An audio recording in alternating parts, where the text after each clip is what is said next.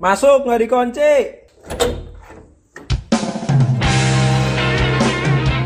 Welcome to podcast Kamar I101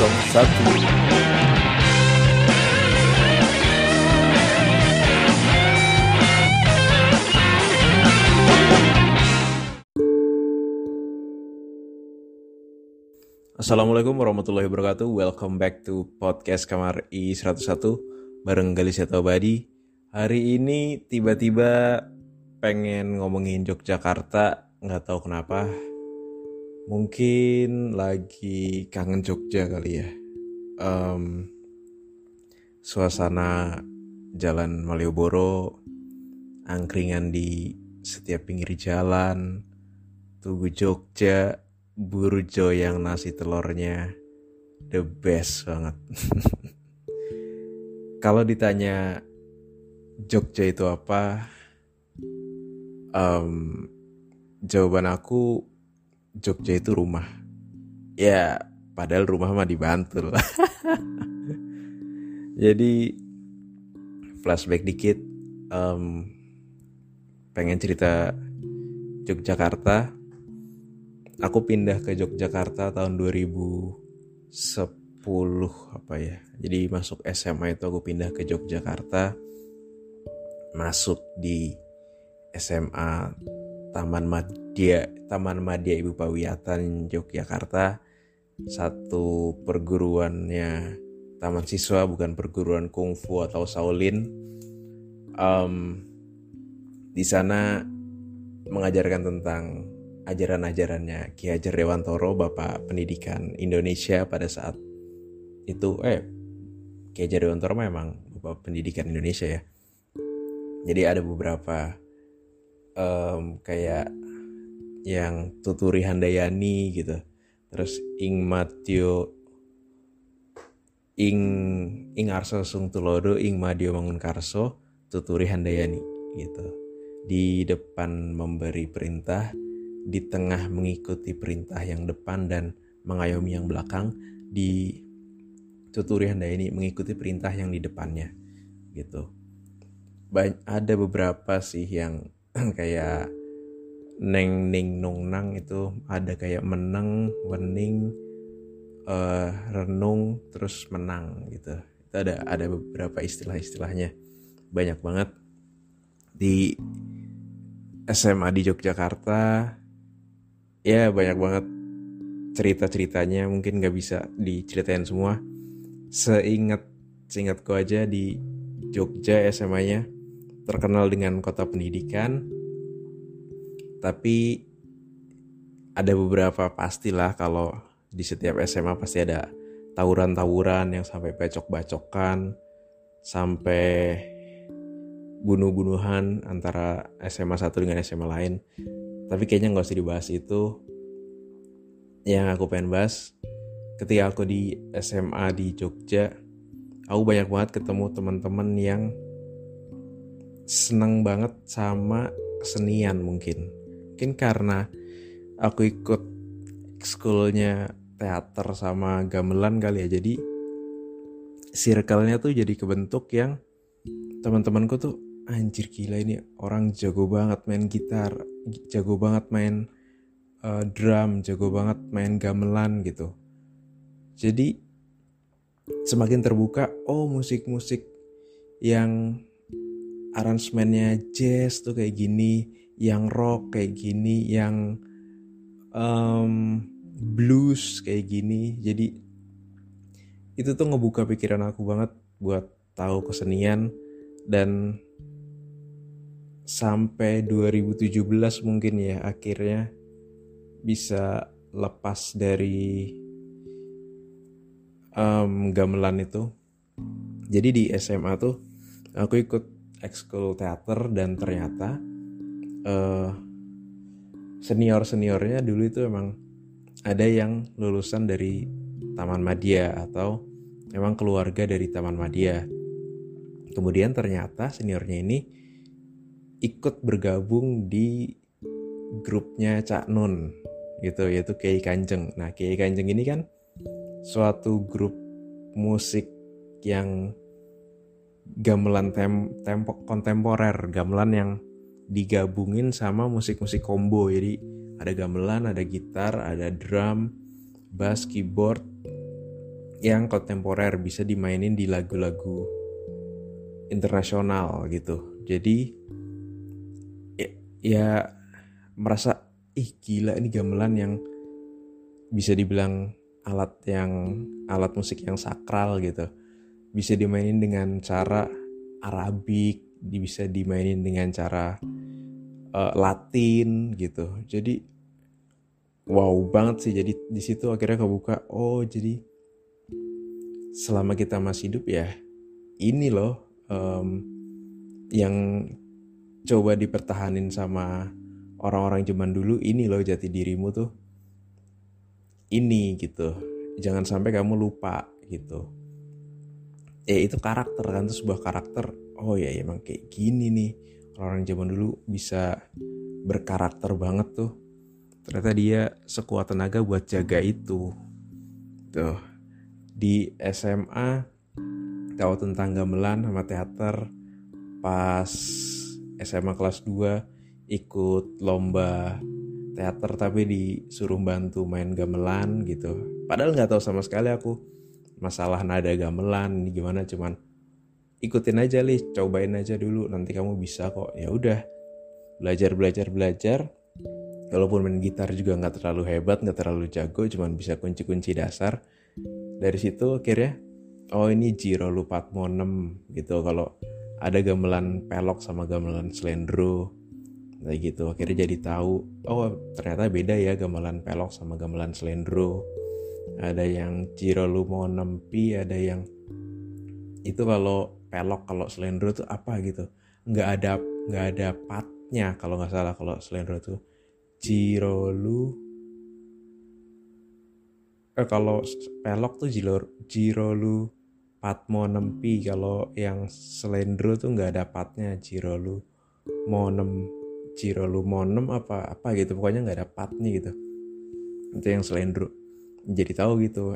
Terus nggak bisa di semua um, musik harus nyamain ke gamelannya. Misal gamelan A itu belum tentu pasti sama si gamelan B. Jadi nadanya beda tapi ketika nanti dicurn atau dicocokin sama kombonya bisa beda.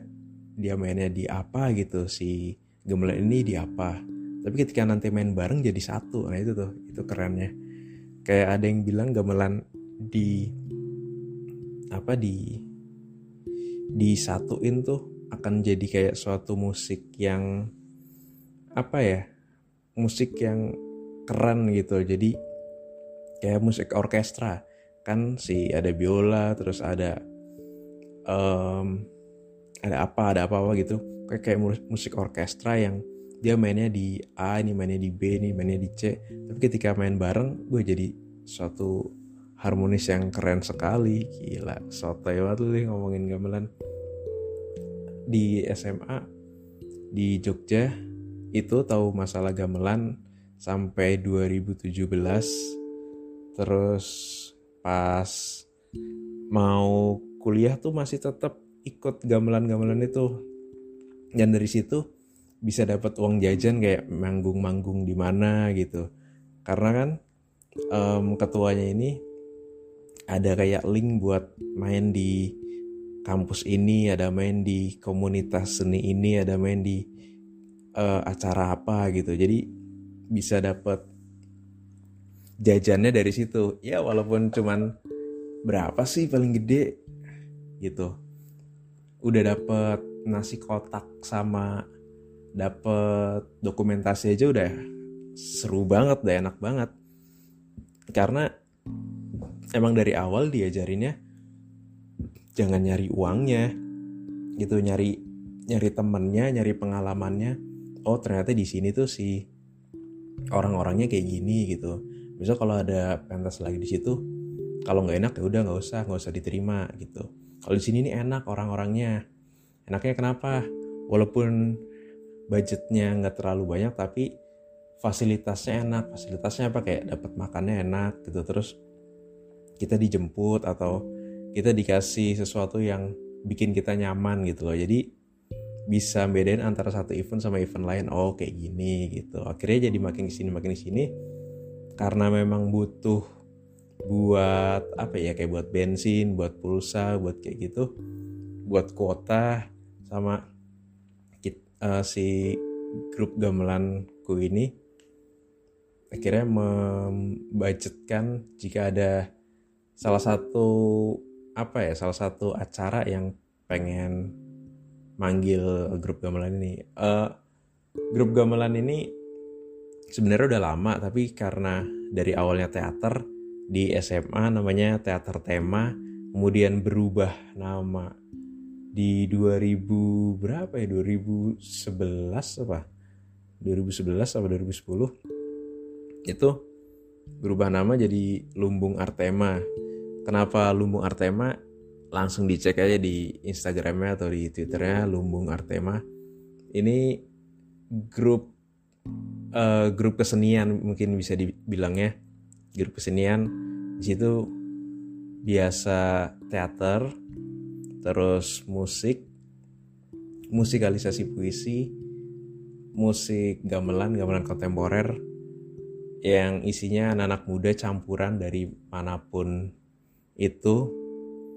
Yang biasanya dulu sebelum pandemi itu setiap tahun selalu mengadakan acara minimal satu tahun sekali. Jadi kayak bukti kayak dia pengen membuktikan diri bahwa ini ada loh ada grup grup yang bagus uh, tetap melestarikan budaya itu dari gamelan yang bisa dikolaborasikan dengan musik-musik yang terbaru atau musik-musik yang nggak kalah ketinggalan zaman gitu.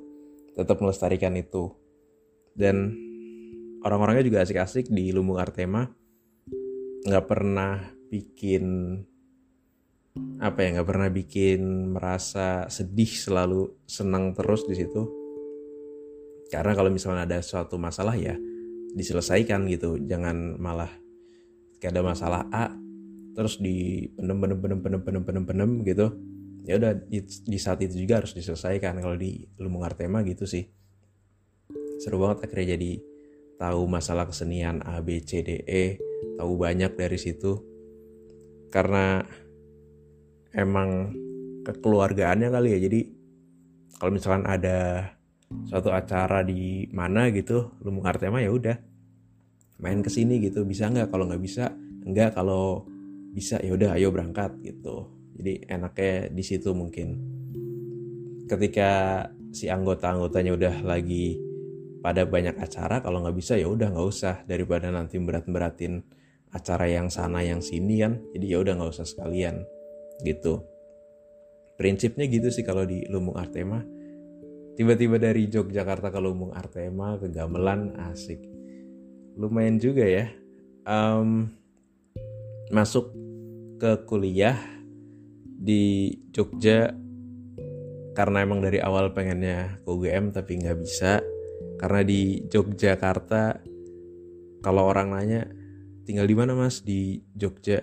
Kuliah atau kerja kuliah masih kuliah. Oh di UGM ya? Nah gitu tuh. Kalau orang taunya Jogja tuh pasti UGM padahal kan masih banyak kampus-kampus lain selain UGM kan. Jadi tidak dapat di UGM akhirnya masuk swasta UPN itu karena ada kakak juga masuk di UPN sebelumnya. Ya udahlah masuk UPN UPN di teknik industri nggak tahu apa-apa. Karena taunya cuman seneng menggambar disuruh keisi kayaknya nggak mau deh keisi tuh. Pengen juga sih keisi sampai pas di kelas 3 SMA tuh pas lagi mau pentas apa gitu. Loh mas kamu nggak mau masuk ke isi kan? Kamu senang main gamelan gitu senang main gamelan mas seneng gambar gitu ya enggak deh kayaknya nanti nggak tahu aku nggak tahu aja kalau nanti masuk isi itu jadi apa. Kayak gitu aku pikirannya di di zaman itu ya di saat itu tuh kayak ah, nggak tahu nanti mau jadi apa. Ya udah kira ngikut bapak disuruh masuk teknik industri. Ya udah aku ngikut aja. Karena kayak nggak punya tujuan banget di saat mau masuk kuliah mau jadi apa tuh bener-bener nggak tahu. Aku cuman ngikutin orang aja ngikutin kata orang udah masuk sini aja lah ya udah aku ikutin. Kira aku ngikutin bapakku buat masuk ke teknik industri karena ada saudara yang di teknik industri juga. Kira masuk dan sempet di awal-awal um, tidak cocok dengan perkuliahan. Aduh kok kayak gini ya? Gitu kuliah. Tapi tetap aja ya udahlah dilanjutin. Di semester 2 pengen keluar tanpa bilang-bilang orang tua nyoba jalur mandirinya UGM tapi mungkin memang belum apa ya belum rezekinya belum rezekinya buat masuk UGM jadi ada suatu ketika aku tuh niat banget pengen masuk UGM sampai tiap hari tiap hari bro. Tiap hari tuh doanya ya Allah masukkanlah aku ke UGM masukkanlah aku ke UGM masukkanlah aku ke UGM itu tiap tiap sholat tuh tiap doa tuh doanya gitu terus. Akhirnya pada suatu ketika si Lumbung Artema ini diajakin lah sama anak ini anak kedokteran UGM anak kedokteran UGM buat main di acara pembukaan ospek uh, kedokteran ospek kedokteran UGM terus kayak aku mikir oh mungkin ini kali ya caranya semesta buat masukin aku ke UGM tanpa harus menjadi mahasiswanya gitu.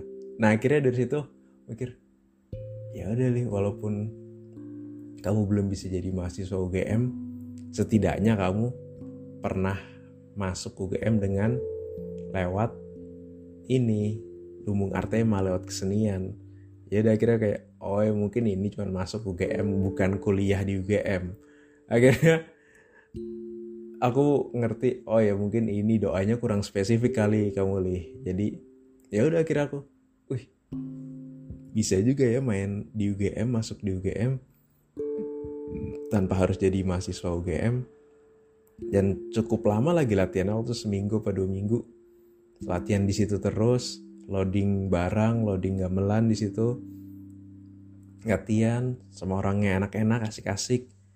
Ya udah akhirnya mikir oh mungkin ini caranya semesta buat ngejawab doa-doa aku. Ya akhirnya setelah itu aku doanya kuliahkan aku di UGM kuliahkan aku di UGM tapi tetap tidak ada jawaban sampai sekarang.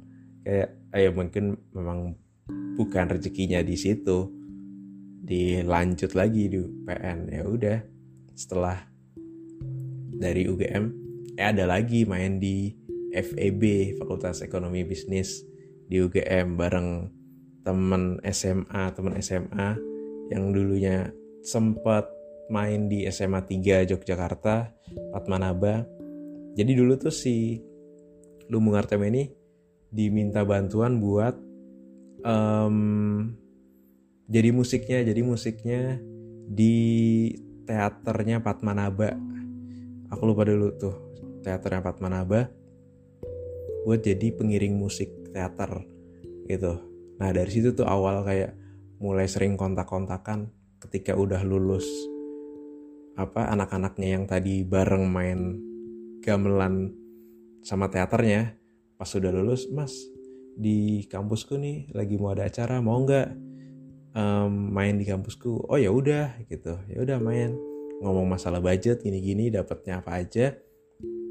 Berapa menit mainnya gitu. Ya udah kalau oke berangkat. Kalau enggak ya udah nggak akhirnya oke. Ternyata mainnya di UGM kan di FEB oh gila cuy. Cakep-cakep banget. Ceweknya cowok-cowoknya. Gue gila ceweknya. Mantep lah mantep mantep mantep. Akhirnya dari situ um, terjawab sudah bisa masuk UGM lewat pentas bro. Di zaman kuliah itu terus akhirnya um, kuliah kuliah kuliah kuliah ya cukup lama lima tahun lulus um, di Jogja ini aku rum rumahku tuh di dekat JSC kalau yang tahu JSC Jogja Expo Center itu di awal di dekat JSC sebelah pura Hindu ada pura namanya pura apa lagi loh pokoknya sebelah pura Hindu sebelah pura persis banget sebelah pura Hindu. Di aduh nama jalan jalan pura nama jalannya jalan pura jalan pura. Persis banget sebelah pura Hindu.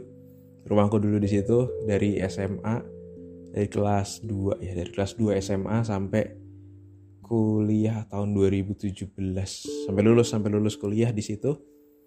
Di akhir 2017 pindah ke daerah Bantul. Mungkin yang sampai sekarang nggak diceritain sama orang tuaku kenapa pindahnya nggak tahu kenapa pindahnya pokoknya udah pindah aja. Yang aku nggak tahu dan adik-adikku juga nggak tahu mungkin. Ya yang tahu mungkin masku doang sama bapak ibuku sama keluarga yang lain. Tapi menurutku sih emang karena ini ya karena masalah keuangan negara jadi akhirnya udah nggak sanggup mungkin bayar hutang-hutang keluarga. Akhirnya kita ya udah jual si bapak sama ini jual rumah buat ngelunasin semua hutang-hutang keluarga. Entah hutang keluarga entah hutang-hutang apa pun buat ngelunasin semuanya dijual lah rumah itu akhirnya kita pindah ke daerah Bantul di Bambang Lipuro itu cukup cukup lama buat pencarian rumah itu ada kali beberapa bulan buat nyari rumah yang di sekarang ini yang di Bantul di daerah Bambang Lipuro. Kalau ditanya sebutin tiga mungkin spot-spot Jogja paling istimewa menurutku. Uh, Jogja nggak pernah lepas dari angkringan itu pasti angkringan entah di mana pun angkringannya menurut aku angkringan di Jogja walaupun di pinggir jalan itu berasa ya emang Jogja entah kamu di pinggir jalan mana di pinggir jalan mana walaupun di daerah Bantul sekalipun kalau kamu udah di angkringan semua info semua apa pun di angkringan itu paling Jogja banget sih angkringan. Spot satu angkringan. Spot kedua Tugu. Spot ketiga Malioboro. Dah itu itu kayaknya udah Jogja banget. Tiga itu um, banyak banget sebenarnya tempat-tempat makan murah di Jogja yang masih banyak ditemuin yang kayak makan cuman berapa sepuluh ribu udah dapat nasi ayam uh, lauk gitu sayur sama minum itu masih banyak. Cuman emang harus pinter-pinter aja sih daerah-daerah tersembunyi. Biasa dekat-dekat kampus atau daerah-daerah agak rada-rada masuk itu masih ada tempat-tempat makan murah. Kalau ada yang bilang um, hidup hidup di Jogja dengan UMR Jakarta kayaknya itu nggak mungkin deh. Kayaknya kayaknya ya ya aneh aja banyak yang berpendapat seperti itu. Enak kali ya hidup di Jogja tapi UMR Jakarta um, aneh sih kayaknya aneh aja.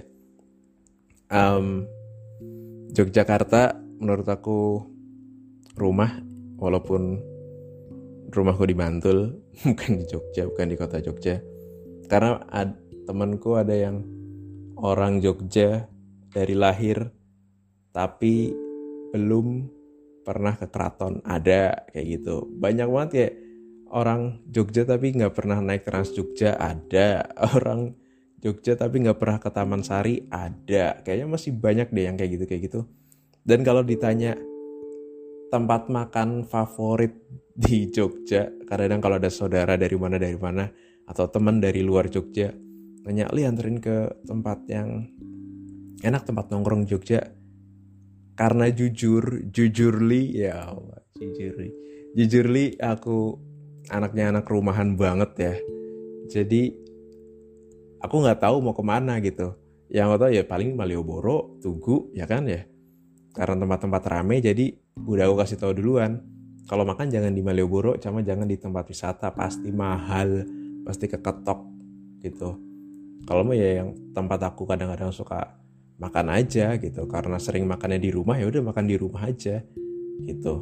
Kalau misalkan emang bener-bener maksa mau keluar ke tempat makan yang enak ya udah tak ajakin. Yang paling dekat-dekat rumah dekat-dekat rumah mie ayam ini nasi goreng ini gitu sate ayam yang ini ya udah deket-deket rumah aja.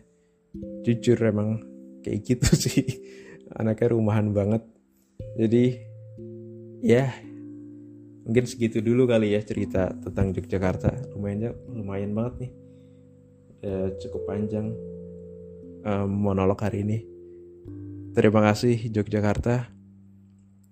Mungkin kapan-kapan sekarang 15 Oktober 2021 rencananya Oktober ini pengen ke Jogja tapi belum kesampaian belum terjadi.